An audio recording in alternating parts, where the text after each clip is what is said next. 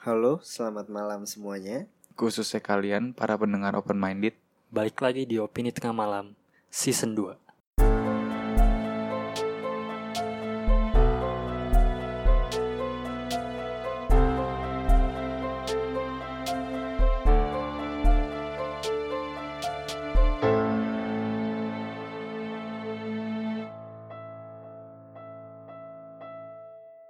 Kota mati Chernobyl. Udah pernah dengar belum, Fed? Udah pernah baca doang sih gue. Is? Udah sering denger sih Cuma belum tahu Apa cerita aslinya Iya. Kita juga gue taunya dari film sih. Sebenarnya film dulu yang apa namanya? Zombie gitu di Chernobyl. Kita pernah nonton bareng sebenarnya. Cuma episode kali ini gue mau ngebagi dua part nih. Yang pertama. Jadi part yang ini, part pertama ini gue bakal ngejelasin Chernobyl itu apa sih? Sebenarnya apa yang terjadi di Chernobyl? Kenapa bisa sampai disebut kota mati? Nah, kan di part 2-nya nanti itu gue bakal ngejelasin efek dari Chernobyl itu lebih ke hewan-hewannya atau enggak pokoknya dampak besar lah untuk Chernobyl itu sendiri apa ada konspirasinya juga jadi ini gue gabungin sebenarnya temanya konspirasi sama film nah di yang part 1 ini gue pengen ngasih tahu kalian yang pertama Chernobyl itu apa yang kedua gue pengen ngasih tahu kan ada seriesnya nih HBO nah gue saranin sih lu semua yang dengerin ini nonton sih biar bisa ngerasain gitu loh. Jadi nanti gua ngebahas Chernobyl sambil gua kasih tahu sih uh, di seriesnya itu kayak gimana gitu. Kayak gue mulai aja ya. Pertama itu Chernobyl adalah sebuah kota tak berpenghuni di Ukraina Utara. Tepatnya di Oblast Kiev, dekat dengan perbatasan Belarusia. Kota ini ditinggalkan penghuninya tahun 1986 setelah bencana ledakan pembangkit listrik tenaga nuklir yang terkenal sebagai bencana Chernobyl. Terletak 14,5 km utara barat laut, pembangkit tersebut dinamakan sesuai dengan nama kotanya yang terletak di Chernobyl. Tetapi bukan merupakan tempat tinggal bagi pekerjanya. Ukraina Utara ini masih zamannya masih Uni Soviet itu ya? Iya, Masih- masih. satu Masih kan? Masih jadi satu. Kota ini tadinya berpopulasi 50.000 jiwa. Dan tiba-tiba itu jadi kosong. Bener-bener seketika gitu loh. Nah, dalam film jadi di filmnya itu diceritain banget tentang dari awal mulanya Chernobyl kayak mereka apa sih kegagalan reaktor nuklirnya sampai efek atau cara menanggulangi pemerintahnya itu sih. Nah, gua lanjut lagi nih ya. Perjuangan mencegah kebocoran radiasi lebih lanjut yang bisa menyebabkan maha bencana. Nah, jadi ada beberapa nggak maksudnya di ada beberapa orang yang bisa disebut pahlawan sih dalam kasus Chernobyl ini. Mungkin gue bahas sebelum lebih lanjut gue mau nyinggung ke filmnya sih. Filmnya itu dapat rating series berapa ya sih? 9, Di atas 9 sih IMDB kan Iya IMDb di atas 9,8 dan itu bagus banget. Lu nonton tuh bisa banget ngerasain apa yang terjadi di Chernobyl saat itu. hmm. Bener-bener. Udah nonton belum, Fat? Belum Belum. pasti kan. Nonton berapa episode ya? Tiga Baru tiga kan. Berarti udah yang Tiga dari lima ya? ya? Tiga dari lima. Cuma lim- lima, lima ini doang, lima Hmm. episode. Cuma lu bener-bener bisa ngerasain sih. Jadi dia eh efeknya, terus dari karakter-karakternya itu katanya sih dibuat sedemikian rupa sampai orang Rusianya pun bilang ini salah satu film yang menggambarkan paling mirip dari semua film-film tentang Chernobyl. Cuma tetap aja karena di film tersebut ngasih tahu kalau pemerintah Rusia itu bergeraknya terlalu lambat untuk menangani Chernobyl.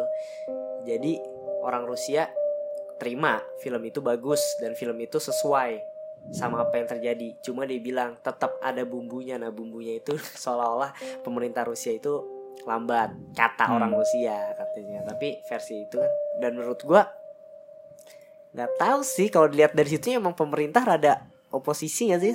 Tuh kayaknya dia kayak Egonya terlalu gede gitu deh Kayak dia gak mau ngakuin kesalahannya gitu kan Iya, kayak dia tuh nggak menutupi Kayak- kejadian iya, kayak- tersebut hmm. dari dunia gitu loh. Nah, nggak mau disebarin kan.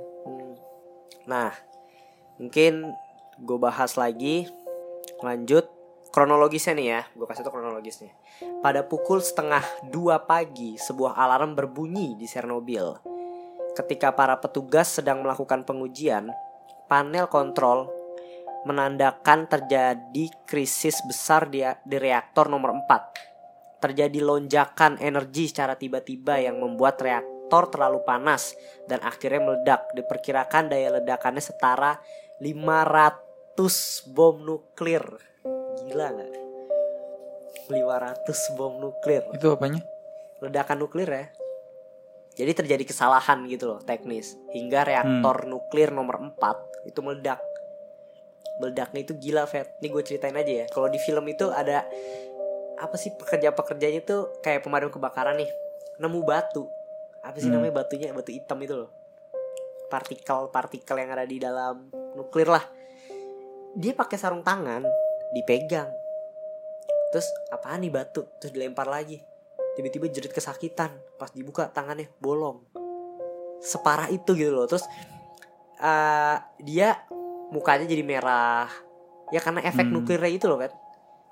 Gue lanjut lagi nih. Saat udara tersedot ke dalam reaktor yang hancur, itu memicu gas karbon monoksida yang mudah terbakar. Akibatnya kebakaran terjadi di Chernobyl selama 9 hari. 9 hari api nggak bisa dipadamin. Situ juga nggak bisa ya. Apa? Nggak bisa deket-deket maksudnya. Oh iya, nggak boleh. Deket-deket juga nggak boleh karena emang itu parah banget. Itu apa satu satu ininya tuh? Kayak perusahaannya gitu. Satu perusahaannya, satu perusahaannya. Perusahaan lu poin intinya pas yang meledak itu lu nggak boleh deket-deket sama perusahaan itu karena udah terkontaminasi. Oh. gitu. Nah, atap reaktor yang meledak itu melepaskan debu partikel radioaktif ke atmosfer. Menurut data resmi, setelah kecelakaan, sekitar 60% materi, materi radioaktif jatuh di Belarusia. Hujan beracun merusak tanaman dan menyebabkan mutasi hewan di sana. Nah, di part 2 gue bakal bahas ini sih. Jadi nanti kita pisah kan. Di part 2 gue bakal bahas apa sih yang terhadap uh, terhadap hewan mutasi hewan yang kayak gimana gitu loh. Akan seru sih di part 2 selain itu efek yang menghancurkan juga dirasakan di negara Skandinavia Swiss Yunani Italia Prancis dan Inggris. Gila nggak? Eropa benar-benar kesebar. Kesebar dan itu yang gue kesel itu gini nih. Chernobyl itu a- meledak kan reaktor nuklirnya cuma Hmm. Dia itu menutup informasi jadi orang Iya. yang di luar sana itu nggak bisa tahu kan Iya. Oh itu karena Bahkan yang di yang di sekitar situ juga nggak dikasih tahu. Oh yang gini anak-anak gara-gara apa nih gitu ya? Enggak, mas kan udah meledak. Harusnya dia ngasih tahu ke lingkungan sekitar kan buat jangan jangan sekolah misalnya, Hmm. jangan Evakuasi jangan lah ke mana, Iya, gitu. pergi. Nggak dikasih tahu. Jadi anak anak kecil sekolah sekolah aja hari besoknya Oh. di deket-deket situ. Nah, harus tahu efeknya nih. Ntar gue kasih tahu efeknya. Makanya itu, aduh, pemerintahnya tuh lambat gitu loh. Gengsi juga mungkin ya. Ya Hmm. Kan salah lagi satu. lagi perang dingin soal. Iya kejadian apa sih? Kegagalan nuklir terbesar loh. Gue lanjut lagi nih. Jumlah radiasi dari bencana ini 100 kali lebih besar dibandingkan bom atom yang dijatuhkan AS di Nagasaki dan Hiroshima, Jepang. Uh, gila. Lu bayangin 100 kali radiasinya. Lu tahu kan Nagasaki, Hiroshima sampai sekarang, sampai sekarang orang yang tinggal di situ misalnya hamil di situ, pas dia melahirkan anaknya pasti cacat. Sampai sekarang Hmm. dan itu terjadi di Nagasaki Hiroshima dan ledakan Chernobyl ini 100 kali lebih besar dibandingkan bom atom Nagasaki Hiroshima. Bayangin aja. Lanjut nih ya. Pemerintah Uni Soviet menunggu selama 24 jam untuk mengevakuasi penduduk di kota terdekat Chernobyl. Lebih dari sera- 100 ribu orang dievakuasi dari wilayah tersebut setelah bencana terjadi. Mereka tidak diperbolehkan untuk kembali ke rumahnya. Terus radius 18 mil dari reaktor Chernobyl ditetapkan sebagai zona eksklusif. Akses ke zona ini diperbolehkan apabila mendapatkan izin dari pemerintah Ukraina dan hanya boleh berada di sana selama 12 jam. Nah, ini nih yang gue bingung. Ini gue nemu di artikel dia udah mengevakuasi 24 jam. Cuma kalau di seriesnya itu nggak 24 jam sih ya. Dia butuh waktu berapa hari gitu baru mengevakuasi para di kotanya kan? Hmm. nggak tahu sih ini yang bener yang mana ya. Masih ya itu konspirasi sih. Itu konspirasi kalau menurut lu gimana? Menurut gue dia langsung mengevakuasi dalam 24 jam meledak atau enggak? Kalau gue mungkin enggak kali ya. Soalnya tadi kan kata Faris anak-anaknya nggak seko- sekolah dibiarin. Nah iya itu itu itu itu yang jadi se- sebenarnya masih jadi abu-abu dan orang Rusia pun yang gue baca sempet seriesnya itu sempet pro dan kontra ya itu karena mereka nggak mau dibilang pemerintahnya itu lambat. Cuma menurut gue bener sih gue setuju banget sama yang di film yang Faris juga bilang karena itu kan lagi perang dingin ya Hmm. nggak mungkin Malu dia. iyalah malu banget lah gila. Uni Soviet di sama Amerika bisa diketawain lah.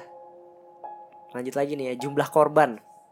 Setidaknya ada lusinan orang yang meninggal akibat bencana Chernobyl. Nah ini dua di antaranya tewas di tempat, sementara sisanya meninggal beberapa bulan kemudian.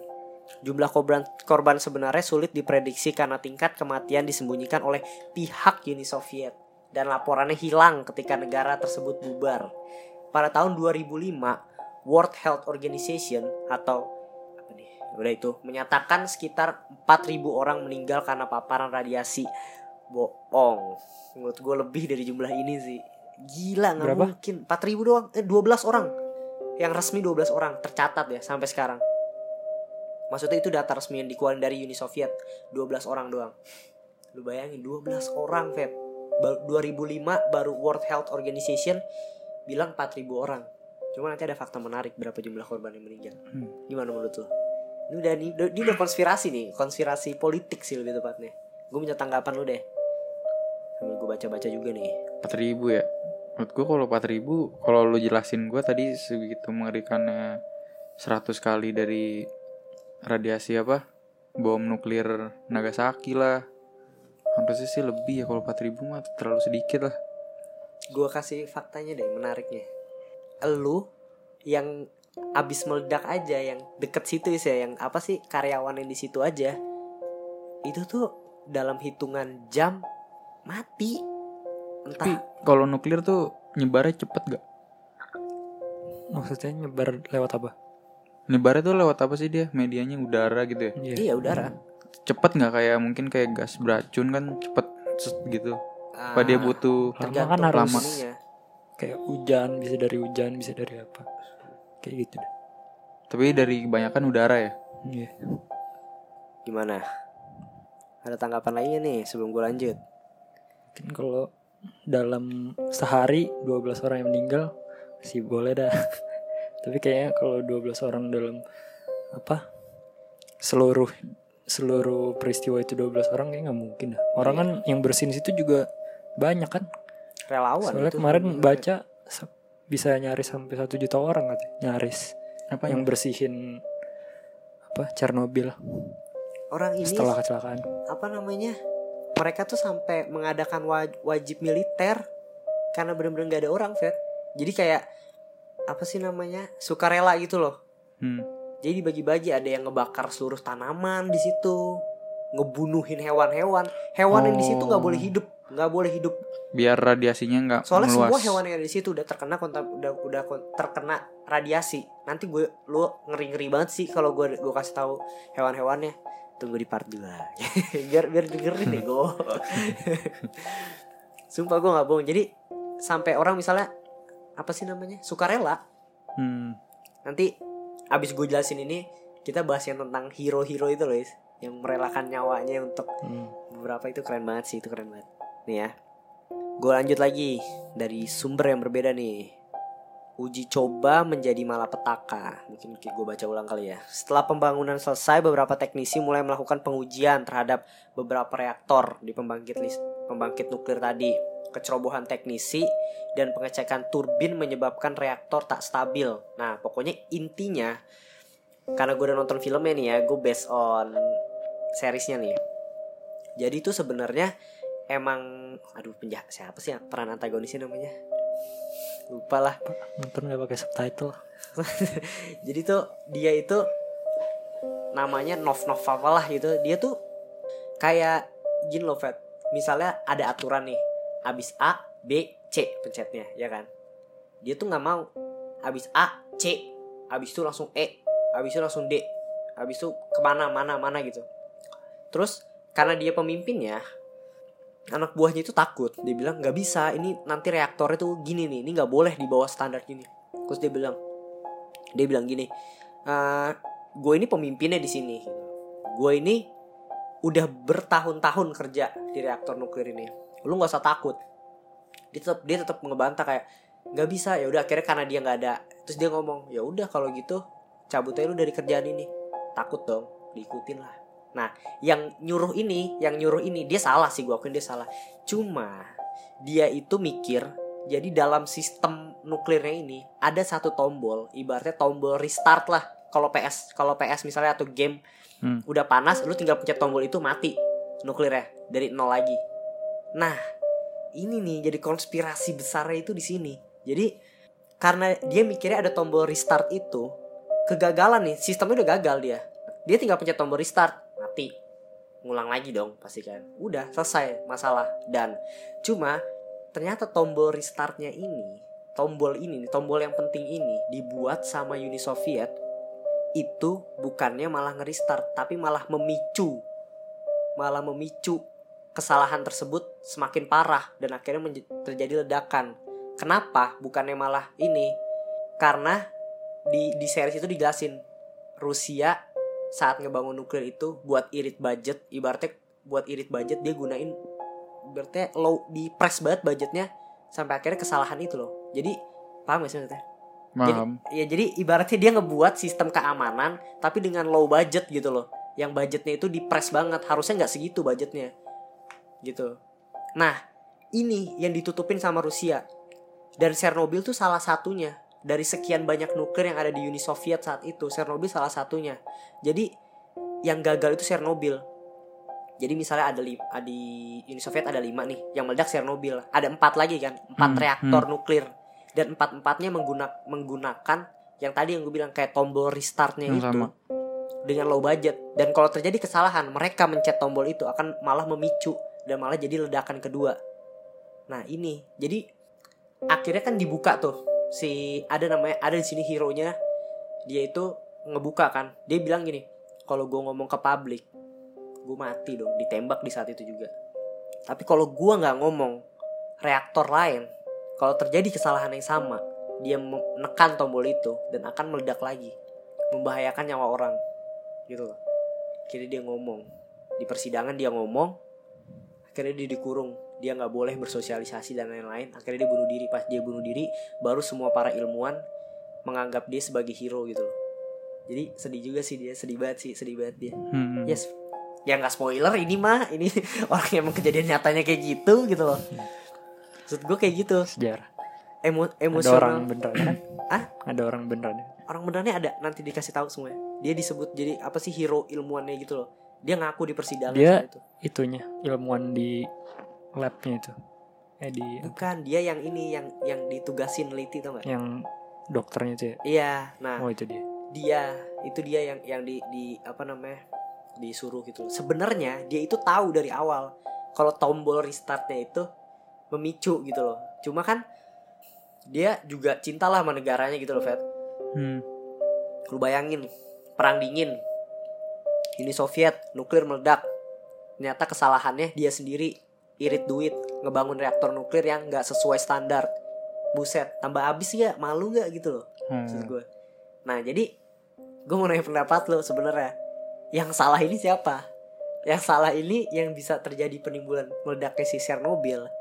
Rusia yang membangun nuklirnya dengan keamanan yang standar di bawah standar akhirnya malah meledak atau orangnya ini yang memerintah tes nuklirnya itu tapi nggak sesuai sama prosedur karena dia mikirnya ya kalau gagal gue biar cepet habis itu gue pencet ya ngulang udah gimana Hmm, gimana ya? Hmm, Cuma- iya.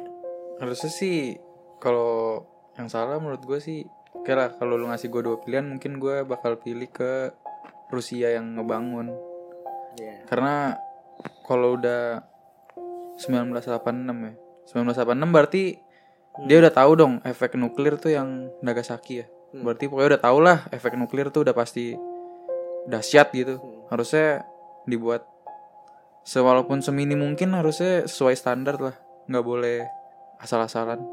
Ya itu kan juga dia emang di saat itu negara mereka sama Amerika juga emang lagi ngebangun nuklir kan sebenarnya. Hmm, cuma ya gitu. tetap aja dong harus safety lah. Gimana ya Yang semini itu. mungkin. Yang atasannya juga salah sih batu juga. Anjir. Iya, tapi kalau kalau lu punya opsi kayak tinggal gue pencet terus gue save kenapa gue nggak coba-coba aja nggak apa-apa? Kan gue Iya. tinggal pencet itu terus udah save tinggal ngulang tapi dari awal. yang dia lakukan itu sebenarnya ibaratnya gini deh. Lu di jurang nih. Hmm. lu jalan di tepi jurang. Pilihannya dua. Tapi lu pakai safe ini nih Hmm. apa di, di ditahan sama orang lah dipegang. Ya lu jalan di pinggir banget kalau jatuh lu mikirnya aku masih bisa ditarik sama orang. Gitu loh. Tapi kemungkinannya dua kalau orang itu ngelepas ya lu jat mati gitu loh. Tapi beda dong sama mesin. Kan dia Iya, tahu kalau maksudnya itu tombolnya res- restart ya sama udah dong. pasti ini. Ya iya. Cuma dia punya cara yang bisa lebih aman gitu loh. Tapi dia emang mau cepet kan. Hmm. yang dilakukan yang kayak gitu. Di situ sebenarnya terjadi terjadi pertengkaran dan di seriesnya itu benar-benar emosional banget sih digeplak-geplakin aja orangnya. Siapa yang geblak-geblak ada kayak nggak mau nurut kayak lu baru kerja berapa hari sih? Gitu aja anjay. oh. Nah.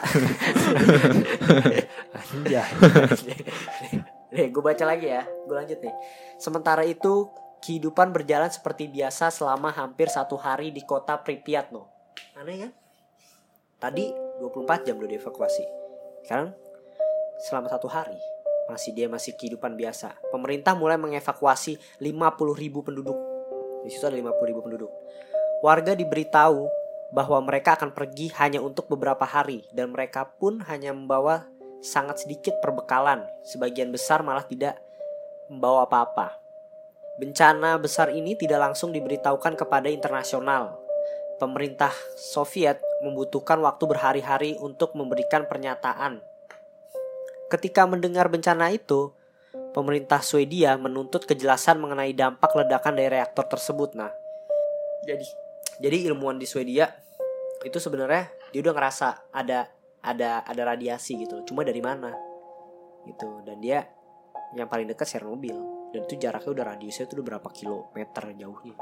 Pada 24 April 86, pemerintah Soviet mengumumkan kepada dunia mengenai ledakan ini. Jadi baru pada tanggal 28 April 86 Uni Soviet bilang kalau reaktor nuklir mereka itu meledak. Nah, itu jaraknya dia meledak tanggal 26. Dia baru ngasih tahu ke publik tanggal 28. Berapa hari ditutupin tuh? dua hari lah Dua hari ya, dua harian. Beda kan baca artikel yang sebelumnya. Makanya kayak jadi konspirasi gitu loh. Nah, gue kasih tahu nih akibat ledakan reaktor. Pada tahun 95, pemerintah Ukraina menyatakan bahwa 125 ribu orang telah meninggal akibat efek radiasi. Sebuah laporan dari Chernobyl, forum memperkirakan sekitar 50 orang terbunuh beberapa bulan setelah ledakan itu. Hingga kemudian 9.000 orang akhirnya meninggal dunia akibat kanker terkait paparan radiasi dari Chernobyl. Angka ini belum termasuk 50.000 orang yang tinggal di kawasan yang lebih luas. Di kawasan kawasan tersebut yang kemudian menderita kanker akibat radiasi. 50.000 orang penderita kanker, separuhnya meninggal dunia. Selain itu, bencana ini mengakibatkan kerugian material sebesar 18 mil- miliar rubel. Aduh, gue nggak tahu. Setara 3,5 triliun rupiah. Efek jangka panjang radiasi terhadap manusia masih terus diselidiki hingga saat ini. Gimana tuh, Fet? Nih, gue bahas lagi. Reaktor melepaskan radiasi yang tadi udah ya. Oh, 1000 ton nuklir dari salah satu reaktor terbakar. Gimana tuh? Korban-korbannya. Ada tanggapan ya mau korban-korban? seribu ton yang meledak seribu ton Iya. Di dalam di dalam satu reaktor itu loh. Ada tanggapan, Fet? Bagaimana? Ya turut berduka. terus berduka. Semua korban. Terus gue bingung ngomong apa udah kejadian. Gue baca dari National Geographic ada ilmuwannya bilang eh, radiasinya bakal ada sekitar eh bakal hilang kurang lebih 20.000 ribu tahun. Baru bisa ditempatin. itu dua puluh ribu tahun? Iya, radiasi baru hilang kira-kira. tapi Udah kan maksudnya kita nggak kena kan Indonesia Enggak ini. lah, kita Enggak nggak kan. kena. Kejauhan. Jauhan kan. Nah, Sekarang ya baru berapa tahun dari tahun 86 Berapa Fet? Cuma itu di, di ibaratnya apa sih ah, yang meledak misalnya di Monas nih reaktornya Hmm. yang bakal hilang berapa tadi 20 20 berapa tahun tuh 20 ribu 20 ribu iya itu di, di sekitar Monas gitu radius berapa cuma misalnya yang di daerah Tangerang udah bisa ditempatin tapi bukan tempat tinggal sebagai wisata. Hmm. gitu lu nggak boleh lama-lama juga radiasinya masih ada. Tapi yang di Monas itu butuh waktu 20 ribu tahun. Nah gue bahas lagi nih tentang hero. Ibaratnya orang yang berjuang saat itu. Hmm. maaf ini ya sambil baca. Mereka adalah tiga ilmuwan yang bekerja di dalam reaktor nuklir Chernobyl. Ketika bencana terjadi tepatnya di saat genting reaktor nomor 4 meledak ketika sepotong besar karbon radioaktif dalam bahaya siap mencair ke dalam kolam air yang jika terjadi maka bisa menimbulkan ledakan uap maha dahsyat. Wih, gila lebay bet anjir. Mahal. Maha. Dan melepaskan ribuan ton material radioaktif ke udara untuk menyelamatkan jutaan manusia. Kolam renang itu harus segera dikuras. Dan dalam keadaan genting itu tiga orang sukarelawan yakni yakni Alexei Ananenko, Valery Bespalov, dan Boris Baranov rela melompat ke kolam air dan membuka katup seluruh pembuangan yang akhirnya tewas karena radiasi demi menyelamatkan negara mereka. Pemimpin Shiv Boris Baranov meninggal pada tahun 2005, sementara Valery Bespalov dan Ols eh, susah banget. Keduanya kepala insinyur dari salah satu bagian reaktor masih hidup dan tinggal di ibu kota Kiev. Jadi mereka tuh bertiga ada yang bilang beritanya dia langsung meninggal satu juga. Cuma ada yang bilang mereka ada yang hidup sampai sekarang. Nah ini ini jadi apa konspirasinya? Nonton kan nih di film yang dia udah sukarelawan Yang mana tuh? yang nyebur itu loh ke air. Belum ke Belum sampai Harusnya udah dong tiga yang dia nutup katupnya itu loh. Nah jadi tuh kalau di film Hmm. Jadi gini, sebelumnya ini gue bahas dulu sebelumnya. Saat reaktor nuklir nomor 4 itu meledak, itu ada dua orang yang dikeplak-keplakin itu loh sama orangnya itu, sama pemimpin. Keplak-keplak. Iya, dia udah bilang kan ini nggak bisa, ini nggak bisa dua orang itu batu tapi kan, tapi ketuanya lebih batu, mau nggak dipecat dia. Itu akan meledak, jadi dia harus nutup kat, gue lupa nutup apa gitu. Terus dia bilang, "Ah, ayo kita tutup. Tapi ketuanya nggak mau. Karena itu sumber radiasi semua Fed. Lu udah pasti mati. Terus dibilang kan eh lu nggak bakal bisa nutup semua katupnya. Katupnya di situ ada banyak. Terus dua orang itu ngomong ya udah lu harus bantu gua gitu. Nggak mau ketuanya. Tahi emang dia yang di, di, di vonis di penjara tuh dia kan. Dua orang itu akhirnya ke bawah dengan kondisi radiasi nuklir yang begitu gila tiga orang sih sebenarnya. Nutup tuh mereka. Tangannya udah sampai kebakar Hmm. mukanya Oh, dalam yang hitungan beberapa hari mereka akhirnya meninggal. U- udah hancur dah udah udah nggak berbentuk manusia Fet nah habis itu ada kalau di filmnya ini ada satu orang kan dia bilang reaktor nuklir di reaktor nomor 4 itu udah hancur banget dan radiasinya udah parah gitu. loh terus dia bilang nggak mungkin katanya kata pemerintah Rusia. Nggak mungkin nggak mungkin bisa meledak kayak gitu tuh nggak mungkin gitu. Ben apa coba aja lihat gitu loh. Dia, dia disuruh nih misalnya sama yang bawahan ya ketuanya malah gini ya udah lu gue tugasin ngeliat ya lucu banget sih Fet terus dia bilang kalau nggak mau ya lu di- dipaksa sama tentara situ. Pas dia ngeliat dia kena uapnya balik-balik mukanya udah merah semua. Udah udah kena radiasi semua badannya. Separah itu. Itu hero pertama. Hero kedua. Jadi yang tadi dibilang dia harus nutup ada genangan air nih ketutup. Nah kalau seandainya kena sama airnya itu kena apa terjadi percikan akhirnya malah meledak. Pas kalau meledak itu mengakibatkan berapa juta orang kalau nggak salah gue lupa. Berapa juta loh udah bukan ribu lagi tapi juta orang bakal meninggal dunia. Orang bakal terkena radiasi. Akhirnya sukarelawan. Wah kalau di filmnya emosional sampai nangis gue di filmnya kan. Dibilang siapa? Untuk negara tunjuk tangan dia bertiga. Dipakein semua alat. Terus kata ilmuwannya gini terus mereka akan gimana? Mereka masih hidup logikanya menurut fisika gitu. Lu nyelam aja di air nih kaki lu lu udah pasti mati. Radiasinya itu kuat banget. Sumber radiasi itu parah banget. Paling lama seminggu lu kena kanker. Nah ternyata mereka masih hidup. Mukjizat sih sebenarnya. Nah ini gue baca lagi nih. Jadi tuh sebenarnya kalau di filmnya itu mereka kan tunjuk tangan kan kayak ini untuk negara lu. Tapi pernyataan orangnya mereka tuh dipaksa. Mereka tuh dipaksa ini konspirasi ya lagi-lagi konspirasi ya yang gue omongin masih abu-abu. Mereka tuh dipaksa kayak gini lu mau nggak? Kalau nggak mau lu nggak bakal dapat kerja seumur hidup lu gitu loh. Dan itu udah Hmm. jadi, jadi tugas lu. Kalau di film itu dipakein alat lengkap banget ya terus pas dia keluar dipuji ditepuk tangan gitu ini enggak di aslinya tuh dia cuma dikasih senter. Terus ya udah celana. Nyebur ke air. Air yang isinya radiasi Fed radiasi yang baru hilang tuh Faris bilang 20 ribu tahun. Mereka suruh nyebur. Coba pas mereka keluar nggak ada tepuk tangan atau pujian buat mereka. Nggak ada khas reward berupa uang piagam atau apa buat mereka. Gila nggak anjir itu suatu hal yang berbeda banget sih dari filmnya sih. Kalau kata si ininya. Terus nggak cuma itu. Jadi ada yang ngebuat terowongan. Jadi ada ngebuat apa sih terowongan digali sedalam mungkin gitu. Sebenarnya banyak hero yang yang mengorbankan diri mereka untuk untuk si Chernobyl ini.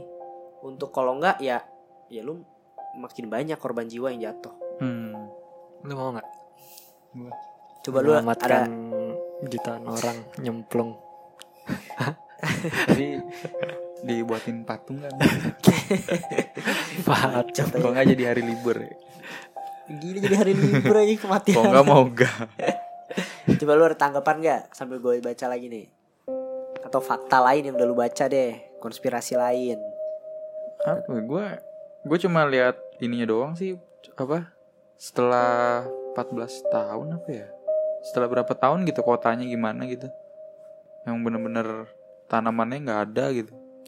karena karena gini semua tuh dibakar Fed jadi setelah semua dievakuasi itu ya, pokoknya intinya orang yang berterlibat dalam semua itu pasti kena minimal kanker lah gitu gue gitu loh. Minimal kena kena kanker. Semua tumbuhan dibakar semua hewan dibunuh. Hewan hewan gak bersalah pun dibunuh karena hewannya udah kena radiasi coba lu bayangin kalau hewannya kena radiasi terus mereka berkembang biak Kita makan. terus ya. mereka melakukan perjalanan misalnya ke kan Eropa kan banyak kan misalnya bisa aja ke Inggris bisa ke mana setahu gue ada hewan juga yang sapi sapi pun susunya udah nggak bisa diminum Hmm. lu bayangin laba-laba jaring laba-laba mengandung radioaktif tuh gue kasih tahu tuh untuk part 2 tuh laba-laba jaringnya mengandung radioaktif Fed. Bayangin coba hal bener-bener mereka tuh ngebunuh semua hewan sampai sekarang ya Chernobyl jadi kota mati ntar gue kasih tau gambar di Instagram oke sebelum gue tutup part 1 nih ada fakta lain tanggapan lain wih nggak terasa cuy 30 menit gila Keren. Adanya misteri.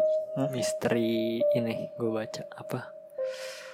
Taruh, Black taruh, taruh, taruh, taruh. Kita masuk di part 2 aja ya. Udah 30 menit part 2. Iya, Iya, udah 30 menit. Oke, yang belum masuk dengerin part 2 yang Boleh. akan diupload beberapa hari setelah part 1. Nanti klimaks ya. Iya penasaran. Bye.